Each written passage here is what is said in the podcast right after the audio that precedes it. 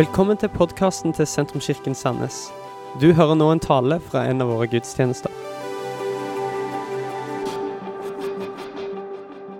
Dagens tale handler om Det er egentlig en oppfølging fra eh, sist søndag. Om å leve et eksempel eh, gjennom et helt liv. Eh, og en tro som bærer. Og så har jeg eh, eh, inn der frukt i, eh, i, i, i klammer.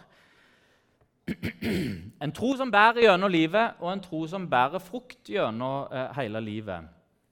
Når en opplever noe bra, eh, f.eks. at en har eh, altså Det kan være mange bra ting som en opplever. Da, da er det et naturlig oppfølgingsspørsmål. Hvordan får jeg dette til å vare? Den som gifter seg, spør seg hvordan kan jeg bevare dette ekteskapet. Eh, det er et godt vennskap som former seg. En merker oi, vi er gode venner. Eh, dette vennskapet her, det er, det er godt. Hva kan jeg gjøre for å beholde dette vennskapet gjennom livet? En får barn, og det er jo fantastisk, og det gir en ny dimensjon til livet. Og det naturlige oppfølgingsspørsmålet hvordan kan jeg eh, relatere til mine barn på en sånn måte at den relasjonen kan vare, og den varer jo, men at det kan være en god relasjon gjennom livet. En, og kanskje trenger vi òg i vår tid, og eh, når vi får oss en god jobb Ikke tenke 'hva er den neste jobben', men kanskje òg at det er en tanke hm, hva, eh, 'Hva kan jeg gjøre for å beholde denne jobben?' Jesus forteller en lignelse om eh, en kjøpmann og, som fant ei perle. Eh, han fant ei perle i en åger. Så gikk denne kjøpmannen han gikk og solgte alt han eide. Eh, og for det som han da fikk for alt han eide, så gikk han og kjøpte ågeren. Eh, og, så, og så sier lignelsen at denne kjøpmannen gikk lykkelig hjem etter han hadde kjøpt ågeren. Hvorfor? Fordi den perla som han visste, og som han hadde funnet i ågeren, den var mer verdifull enn alt det som han hadde. Han var lykkelig over å ha funnet den.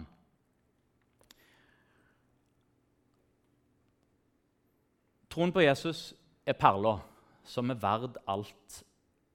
Den er verd alt. Eh, og den som har funnet troen på Jesus, spør seg altså det, det naturlige oppfølgingsspørsmålet er hvordan varer dette? Hva kan jeg gjøre for å beholde denne troen gjennom et helt liv? Hva gjør at troen bærer, og hva slags tro er det som bærer gjennom et helt liv? Vi skal slå opp i lignelsen om såkornet, som er i, eh, i Markus 4. Eh, og Jesus sier om denne lignelsen her at eh, eh, en for, altså hvis en ikke forstår denne lignelsen, så sier en, hvordan kan en da forstå alle de andre lignelsene? Altså her er det, her er det et fundament. Som, det som Jesus snakker om her, er såpass viktig at det er verdt å gå til igjen og igjen. For når en forstår dette, så gir det òg forklaring til mye av det andre som Jesus snakker om. Og Vi skal lese hele teksten. Det er en lang tekst, så, eh, så eh, du kan følge med på, på skjermen eller i Bibelen hvis du har med deg den, fra vers 1 i Markus 4. Jesus begynte igjen å undervise folket nede ved sjøen. Det samla seg en så stor folkemengde omkring han at han måtte gå ut i en båt og sitte i han ute på sjøen mens hele folkemengden sto på land helt ned til vannkanten.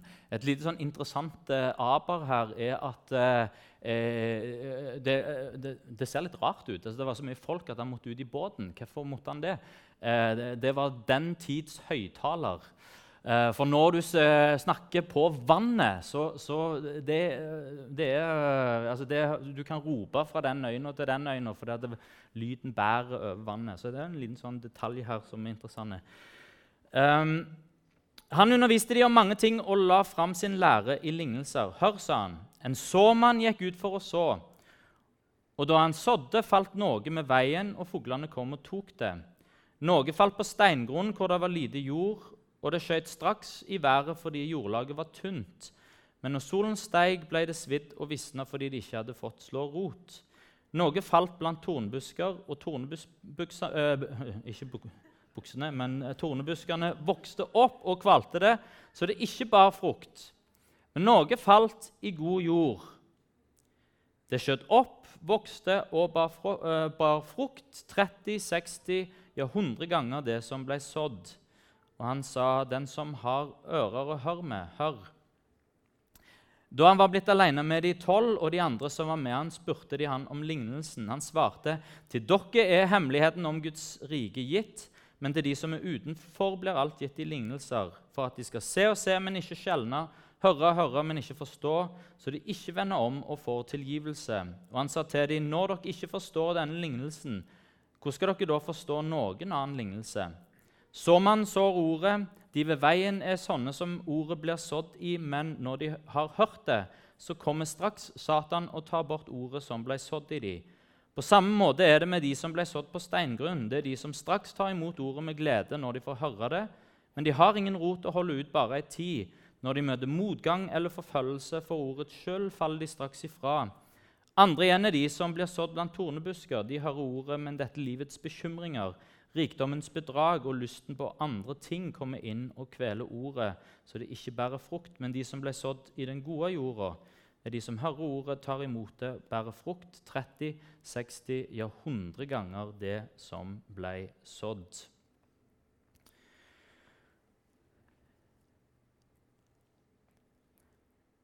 Denne lignelsen her handler om hva som bærer gjennom hele livet. Hva skjer med troen gjennom livet vårt og gjennom ulike livsfaser? Eh, og Den eh, amerikanske pastoren fra New York, Tim Keller, han, eh, han skriver ei bok om ekteskap. Og gir det, det, det, bibelske grunnlaget for hva et ekteskap er for noe, og hvordan et godt ekteskap fungerer. Eh, og Han sier i begynnelsen av den boka der, eh, fra sitt ekteskap med, med, med kona Kay eh, eh, Han sier jeg har vært gift med mange kvinner, eh, og alle var Kay. Det var ingen som forsto det. Eh, og det er når en lever lenge, så vil en se det i sitt eget liv. Og en vil se det sannsynligvis i sin ektefelles liv òg, og i familien sin. En ser en er ikke det samme mennesket gjennom hele livet. For det skjer ting med oss.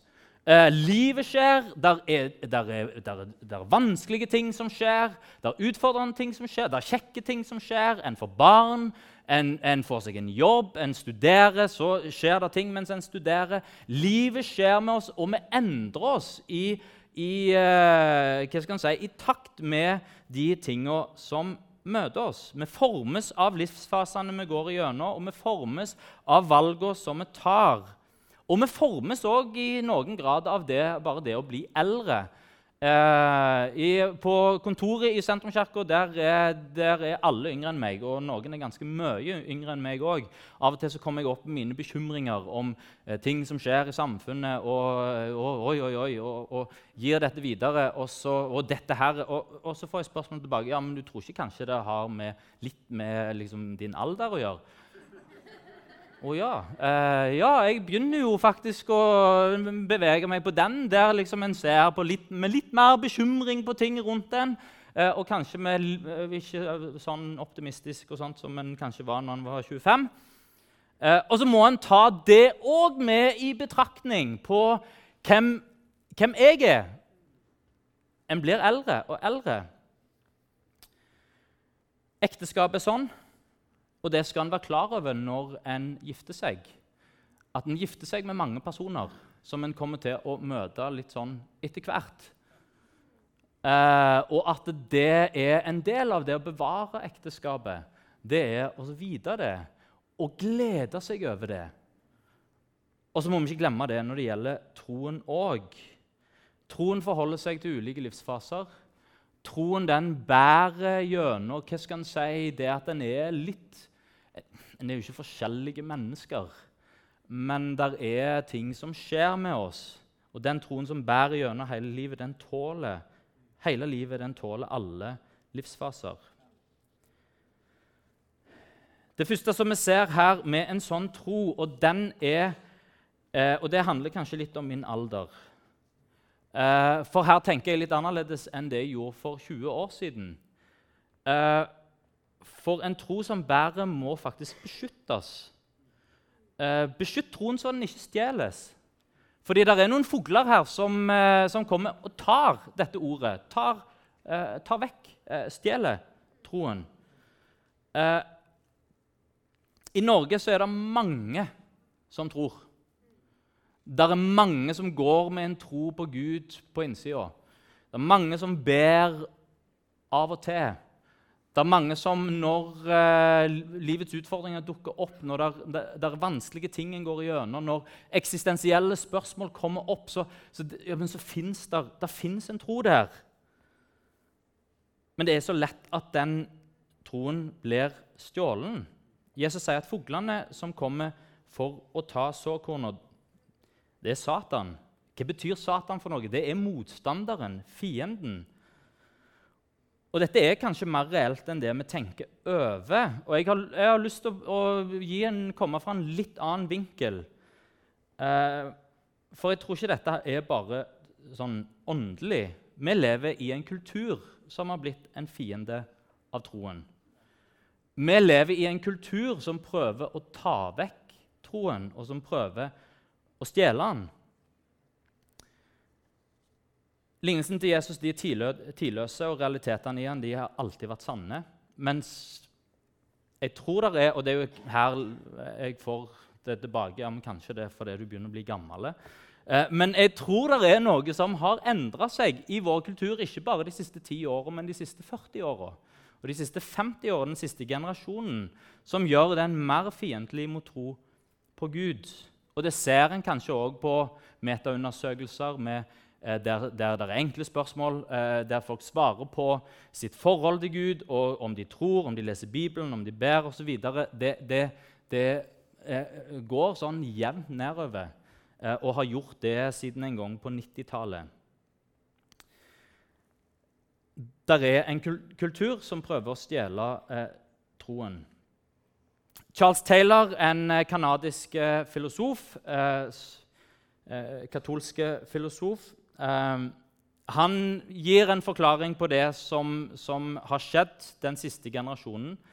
Uh, og forklarer uh, verden, før, uh, verden, før, som en, et samfunn fullada av et overnaturlig nærvær. Nærmest, Han bruker På engelsk bruker han ordet 'enchanted'. Det, jeg vet ikke om vi har et godt ord for det på norsk. Forheksa. Det er ikke akkurat ja, de levde i en forheksa verden før. Uh, det, det, er jo ikke det det betyr. En er fullada av et nærvær. En vet at det fins noe mer der ute. Det fins en åndelighet, det fins noe som vi ikke kan se, og, og kanskje noe som vi ikke kan forstå. Og det var det selvsagte utgangspunktet for livet, for samfunnet og for det som skjer etter døden. Det fins en Gud og det fins noe som er overnaturlig. Og den kulturen, den, den måten å tenke på, var så tjukk at uh, det var veldig lite annet som sto seg mot det. Så uavhengig av om en trodde på Gud eller ikke, uavhengig av om en gikk i kirka eller ikke, uavhengig av om en ba eller ikke, så var det en kultur som pressa deg mot at ja, men Gud fins. Om du aldri leste i Bibelen og ikke visste hva som sto der, så var det en kultur som pressa deg mot at det som står i Bibelen, det er sant og det må vi forholde oss til. Og så sier og, og det menneskelige selv, altså det her inne, det, det, det, var som en svamp, og det var porøst. Mottagelig for at noe kunne komme og fylle meg. Og så sier Charles Taylor noe har skjedd i vår vestlige, sekulære verden. Kulturen er ikke fullada lenger. Universet er ikke åpent mottagelig for impulser utenifra. Universet er et lukka system som klarer seg sjøl. Så har det skjedd noe med det menneskelige selvet. For det menneskelige selvet er heller ikke åpent mot Gud, om åpent mot at det er noe mer. Men det er òg blitt et lukka system som klarer seg sjøl. Eh, og som har på en måte en, en, en slags som, som er blitt eh, Eh, hva er dette når du har, eh, når du har eh, sånn steige, steikeplate? Eh, ikke plate, men steikepanne. Eh, på steikepanna har du noe som heter teflon. Eh, og, og, som gjør at måte alt bare sklir av. Og i vår tid så er ikke mennesket lenger en svamp. Klar for å ta imot ifra Gud og ifra det som måtte være. Noe fins der ute klar til å påvirke meg. Det menneskelige selvet er blitt en sånn, det er sånn teflonbelegg der alt bare preller av. Og jeg klarer meg sjøl. Mennesket er et lukka system. Og dette er, og dette er fortellingen i, i, i Norge. Eh, Ingunn refererte det på, på, på, den samlingen vi hadde før gudstjenesten begynte, eh, om, om Harald, Harald Eia sitt program, sier, der forskning viser hva det nordmenn setter aller, aller, aller høyest. Uavhengighet.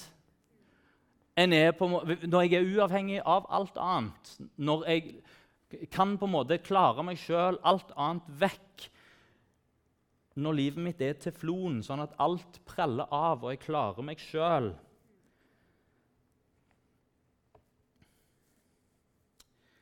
Vi har blitt et lukka system som ikke er mottagelig for det overnaturlige og for Gud, og som klarer seg sjøl. En tro som bærer, i, som, som bærer i møte med en kultur som vil stjele troa, det er en tro som vokter seg for innbrudd. Og der er, I Norge så er vi jo ikke så redd for innbrudd. Uh, jeg er ikke det, iallfall. Uh, jeg har en bod, så hvis du hører på dette feil person, uh, så, så, vet du hvor det skal gå hen. Uh, jeg har en bod eh, ute i garasjen. Jeg har åpen garasje, og jeg har en bod i garasjen som ikke har dør. Uh, inni den har jeg masse Eller det vil si, det, jeg har ikke masse der. Uh, men det som er der, det er på en måte up for grabs. Der er ingen lås. Der er, der er til og med lys du kan slå på. Så du kan gå inn og lete litt rundt i skuffene. Uh, ta med det som du har lyst mens alle sover. Og det gjelder òg bilen min. Den står ulåst det, det, meste av tida. Hvis noen har lyst på den, så bare gå og ta den. Ofte, Av og til så hender det at nøklene står i òg. Fordi at en har, denne her, en har denne naive tanken om at ingen stjeler i Norge. Og det er nesten ingen som stjeler i Norge. Men det er klart, hvis du lever sånn som det i, og Nå skal jeg ikke være stygg og hente fram ett land, men du kan bare tenke på et land hvor du ikke bør leve akkurat sånn som det. fordi Eh, da, er det, da, er det, noen som altså, Står nøklene i bilen og den ikke er låst, så er det noen som tar den.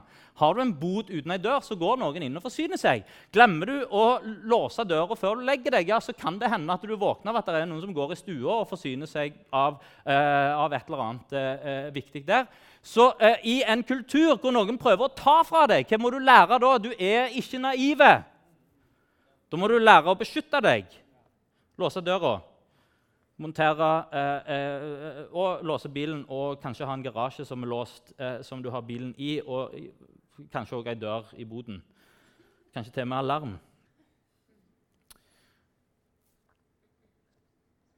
Det er forskjell på en barnslig tro Nei, det, ikke, det, eh, det er det ikke stor forskjell på. Eh, det er forskjell på en barnlig tro og en naiv tro. Og jeg tror vi trenger en barnlig tro eh, med enkel tillit til Gud i alle livets sesonger. Eh, ikke kynisk forhold til Gud, men kanskje et litt kynisk forhold til kulturen. Der en ikke tenker at ja, men dette går bare av seg sjøl. Der er en eh, amerikaner selvsagt, som heter Rob eh, Dreher. Han skrev en bok som heter The Benedict Option. Eh, og Han eh, går tilbake til 500-tallet Eh, og kirker som utvikla seg i en dramatisk fart de første 400-500 år. Så på 500-tallet så, så da, har, eh, da har det blitt statsreligion. Da er det plutselig kult å være kristen. Eh, og, eh, og, flere og flere blir det. Det preger kulturen mer og mer. Og det kommer inn litt sånn korrupsjon, og det kommer inn eh, Kirker egentlig står i fare for å råtne litt på rot og råtne innenfra fordi det blir maktkamper osv. Og, så videre, eh, og det blir lunkenhet, og en blir opptatt av andre ting. Og så har du da det som skjer på 500-tallet, at det blir en exodus ifra, eh, ifra, ifra byene faktisk, og ut i ørkenen. Eh, og så, eh, så etablerer en eh, kloster og I disse klostrene så er en opptatt av å få en livsstil der der er bønn, der er tilbedelse, der er arbeid, der er fellesskap. Der en lever ut troen i et ganske sånn eh, ganske eh, skal si, intimt fellesskap, varmt fellesskap. Eh, og det skulle en tro, det er jo sånn, litt sånn es, eh, Hva kaller du det? Eskapisme. En, en, en, skal liksom hoppe ut av det som skjer. Men eh, fra der og fra den der eh, den den eh, dragningen ut, eh, ut, mot disse klostrene, så skjer det faktisk noe. Disse klostersamfunnene som er bygd på fellesskap, på hellige vaner, på tilbedelse og bønn, på arbeid Ikke bare på arbeid, men på effektivt arbeid.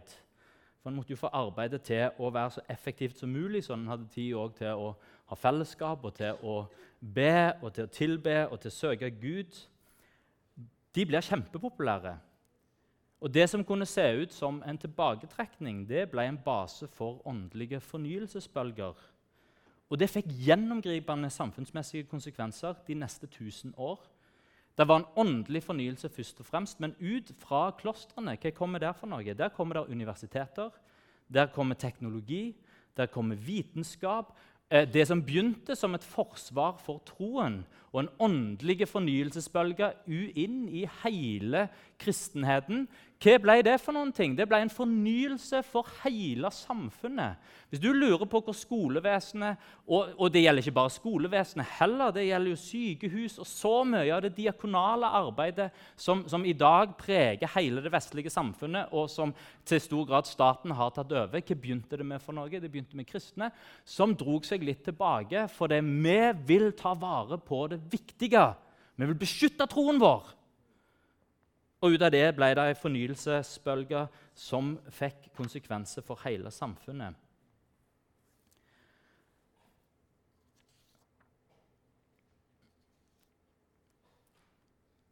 Hva trenger vi for noe? Hva kan vi gjøre med dette? Det er fri... Kanskje er det viktigste bare det å kunne erkjenne at en tro på Gud ikke bare har gode oppvekstvilkår i vårt samfunn erkjenne at det kan være krevende å være en kristen i Norge i dag. Erkjenne at vi er satt i en kultur som til dels er fiendtlig i møte med kristen tro. Uh, I uh, mitt, sånn, min sammenligning det er uh, det å drive en fjellgård. Hvis du driver en fjellgård og du tenker at det å være oppi ei fjellhylle en eller annen plass i Vestlandet det er like bra som å være bonde på Jæren.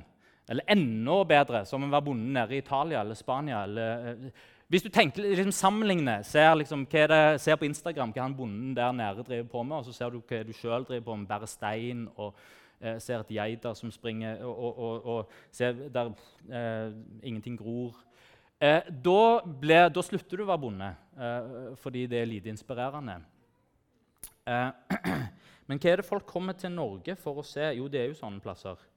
Eh, fjell, eh, fjellgårder. Det, det, er jo vakkert. Altså, Hvis vi bare forstår at det å drive en fjellgård det er ikke like fruktbart som å være bonde på Jæren eller som å være bonde nede i Italia. Det krever litt mer arbeid, og det krever at en, eh, at en, er, at en er bevisste en har et klima, og en har ei jord som, der ting ikke kommer av seg sjøl, der det må kultiveres. Eh, den andre tingen som vi ser i denne lignelsen, er at en tro som bærer, den trenger røtter. Jesus sier prøvelser kommer. Eh, og, eh, og, det er sant at vi lever i et samfunn hvor det ikke er forfølgelse av eh, kristen tro. Men så er det allikevel noen prøvelser som ligger litt sånn under overflaten, og som vi heller ikke snakker så mye om, eh, og som alle går og kjenner på, men som en ikke vet helt hvordan skal sette ord på dette. Eh, og det var en undersøkelse jeg tror det var Dagen som gjorde det, som var nå nettopp, eh, der den avslører at hvis altså En sendte ut fiktive jobb, eh, jobbsøknader rundt til masse forskjellige arbeidsgivere. I disse fiktive eh, eh, jobbsøknadene så var det noen som hadde norske navn, som, eh, der det, det, ble avslørt i søknaden at en var aktive kristne. Fordi det var et år på bibelskole i CV-en der. Det var eh, et år med frivillig arbeid for en kristen organisasjon. Eh, og så var det noen vanlige søknader, og så var det da noen søknader med muslimske navn der en hadde den samme eh, tingen. Altså en, en, hadde gått koranskole et år, og en hadde eh, frivillig arbeid eh, innen en muslimsk organisasjon som en del av sin CV. Det som er Resultatet av undersøkelsen Det var ikke dagen som gjorde det, dette var en internasjonal undersøkelse. så Det, det var nedover i Europa òg. Eh, det som Norge skilte seg ut på, eh, til forskjell fra de andre, det var at eh, hvis du demonstrerte i din CV at du var en aktiv kristen, så sank eh, sjansen for å få jobb dramatisk. Eh, det som var likt for Norge og de andre landene som en sammenligna med, det var vesteuropeiske land, det var at hvis du hadde muslimskklingende navn og viste at du var en aktiv muslim, så sank det dramatisk. Eh, det så forskjellsbehandling på religion gjelder ikke bare muslimer i Norge. Det gjelder aktive kristne. Eh, og nå eh, passer det veldig dårlig for eh, kristne å syte over å bli behandla dårlig. Derfor snakker vi ikke om det, og derfor tar en det heller ikke opp. Og, det, og, vi skal kanskje ikke heller begynne med det. Liksom, her er vår rettighet, og vi må, uh, uh, uh, rettighet for oss i samfunnet. Men det som er et uttrykk for denne forskjellsbehandlingen, det er at når avisene skriver om undersøkelsen, unntatt Dagen, da, de tar med seg dette med at uh, de kristne blir dis diskriminert. Men de andre de sier at muslimske søkere blir diskriminert, men glemmer å ta med den lille ekstragreiene at òg aktive kristne blir diskriminert. Laget gjorde en undersøkelse som sier at ni av ti kristne studenter mer eller mindre skjuler troen sin gjennom studiet. Hvorfor gjør en det? Og Det er det som er så interessant, for når oppfølgingsspørsmålet kommer på hvorfor en gjør det, så er det ingen som kan svare skikkelig på hvorfor. Vet du hva jeg tror? Jeg tror at en fanger opp sånn ubevisst motstanden som fins mot kristen tro, og fordommene og holdningene som fins mot kristen tro. Og så Bare for å gjøre det litt enklere for seg sjøl. Det er ikke bevisst engang. Det er ikke for det, å, jeg tør ikke å si, men bare ubevisst så skjuler en sin kristne identitet for de andre. For en ønsker ikke å bli satt i den båsen. En ønsker, ikke å bli skjøven vekk. Så derfor sier en dette, dette Jeg bare lar være å snakke om det. Ikke som et bevisst valg, men litt som en sånn ubevisste ting som bare kommer som en ryggmargsrefleks. Og når vi følger med på fotball, sånn som mange av oss gjør, så kan ikke jeg noe annet enn å spørre meg sjøl Nå Firminio, fra, som, som er, han, han, er jo bare en av verdens beste spisser. Eh, og, og, og som, som, alltid sentrer det andre istedenfor å skåre sjøl. Fantastiske fotballspiller som alltid smiler. Han har, eh, han har eh, tatt en bestemmelse om å følge Jesus. Han er jo brasiliansk. Så når han gjør det, så er det jo eh, bilder av dåpen, det er ut på Instagram, hele verden til å se. Alison, som også spiller i samme klubb, er med å døpe han, og de omfavner hverandre. Eh, og det er, liksom, eh, er T-skjorter med 100% Jesus, og det er ikke måte på hvor synlige en er med troen sin. Og så tenker en på, jo, Det er jo en del andre fotballspillere som også er ganske synlige, og som korser seg. Men felles for de alle sammen er at veldig mange av de er brasilianske. Eh, og en del av de er afrikanske. Det er veldig få som er iallfall nordeuropeiske.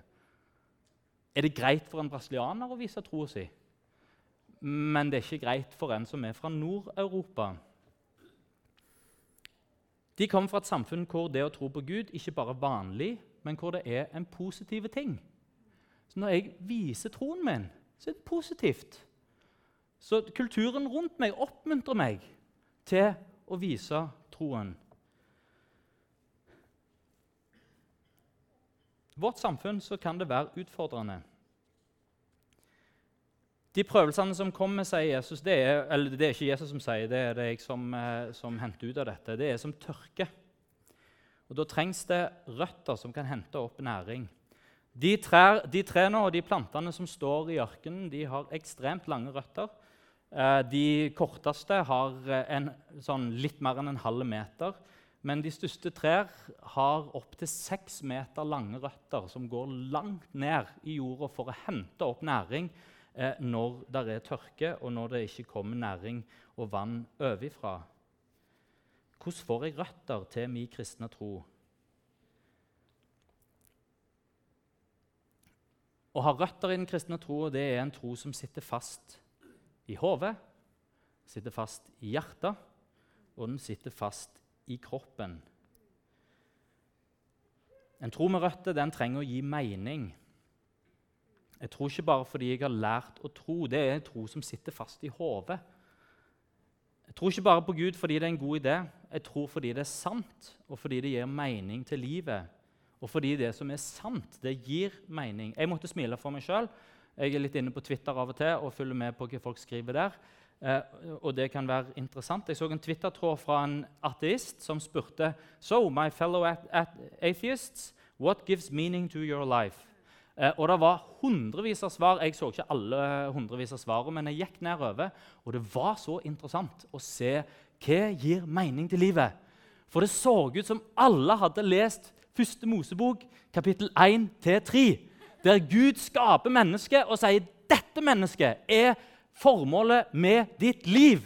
Dette er det du skal gjøre. Og der var det familie, der var det venner, der var det det å ta vare på naturen, der var det arbeidet mitt, der var det hvile og fritid. Altså, det, å, å, altså, det var eh, Lista nedover. Der var, ikke, det var det ikke én som eh, jeg så hadde henta ut liksom, noe som ikke passet inn i første Mosebok kapittel 1-3, skapelsesberetningen.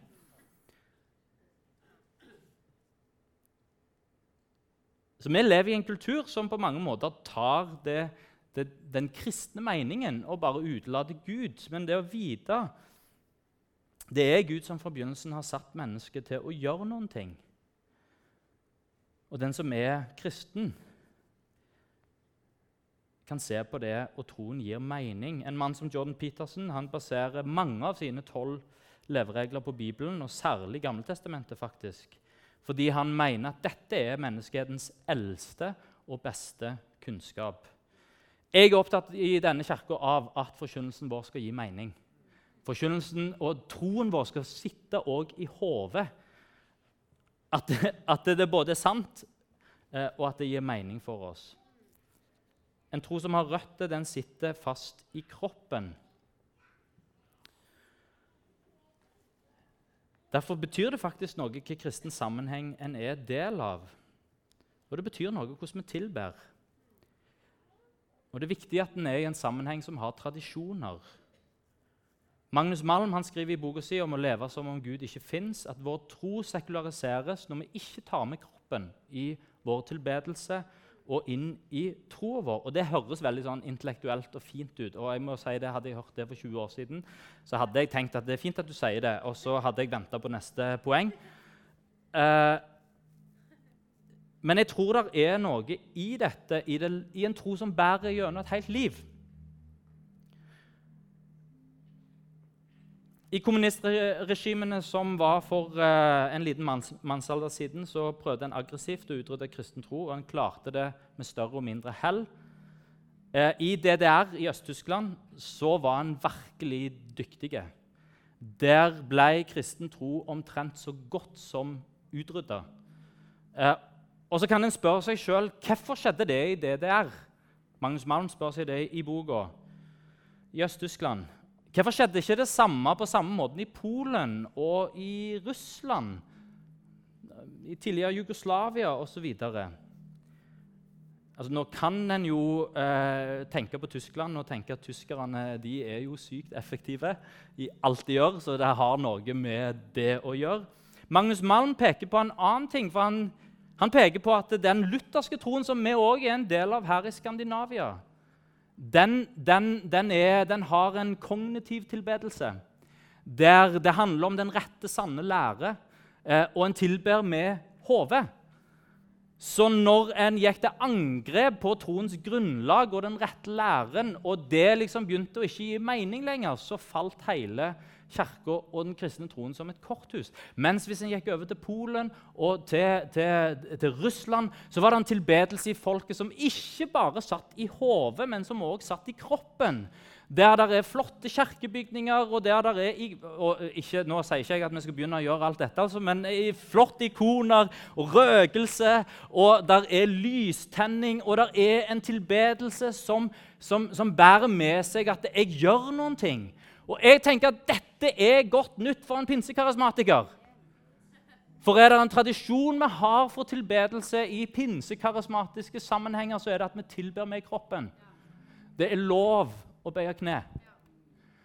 En løfter hendene og sier, 'Jesus, her er jeg.' Noen sier ja, vi må ikke spille på følelser. Jeg sier jo, vi må spille på følelser. For vi er hele mennesker. Vi tilber med følelsene våre. Vi kan vise bilder som uttrykker noen ganger mer enn ord. Kan, eh, det kan være bevegelige bilder, film. Og det er fint. Og Jeg har sett det med folk som har vært vekke fra kirka. Kanskje ikke de ikke har vært vekke fra troen, men har vært vekke fra kirka i årevis. Så kom en på et møte igjen, og så, begynner det å være, så, så er det lovsang. Og så er det akkurat som noe skjer, og så lukker en øynene, og så løfter en hendene. Og så Før hodet har liksom kommet skikkelig med, så tilber kroppen. Fordi at dette sitter i oss.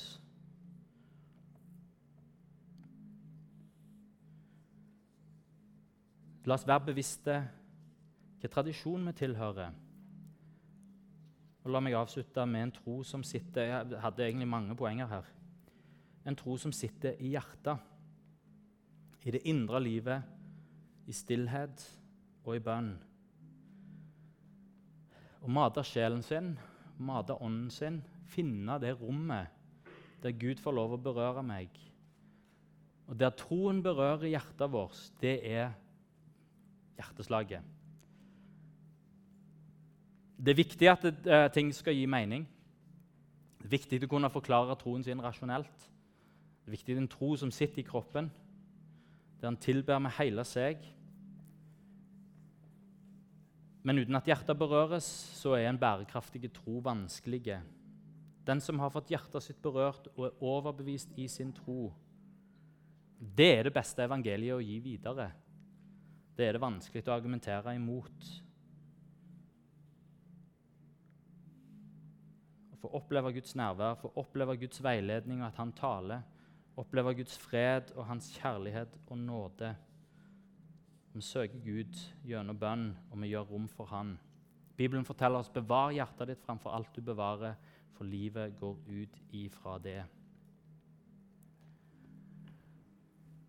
En tro som bærer gjennom, heil, gjennom hele livet, og som tåler hele livet vårt. Det er en tro som bærer frukt gjennom et helt liv. Og Det siste punktet som jeg ikke får tid til å gå gjennom, er nettopp det livets bekymring, rikdommens bedrag, livet. Vi må ikke ha en teologi som gjør Gud liten, og som gjør at Gud bare kan være der når livet lykkes. Vi må kjenne jobbsgud. Der Gud er til stede når vi har suksess, og når livet lykkes. Og der Gud òg er til stede og hjelper oss og bærer oss gjennom de tidene når ingenting fungerer. Dette var slutten på denne talen. Håper du har blitt inspirert. Om du har lyst til å vite mer om hvem vi er, eller hva vi gjør, eller har lyst til å høre flere podkaster, så kan du besøke vår nettside sentrums.no.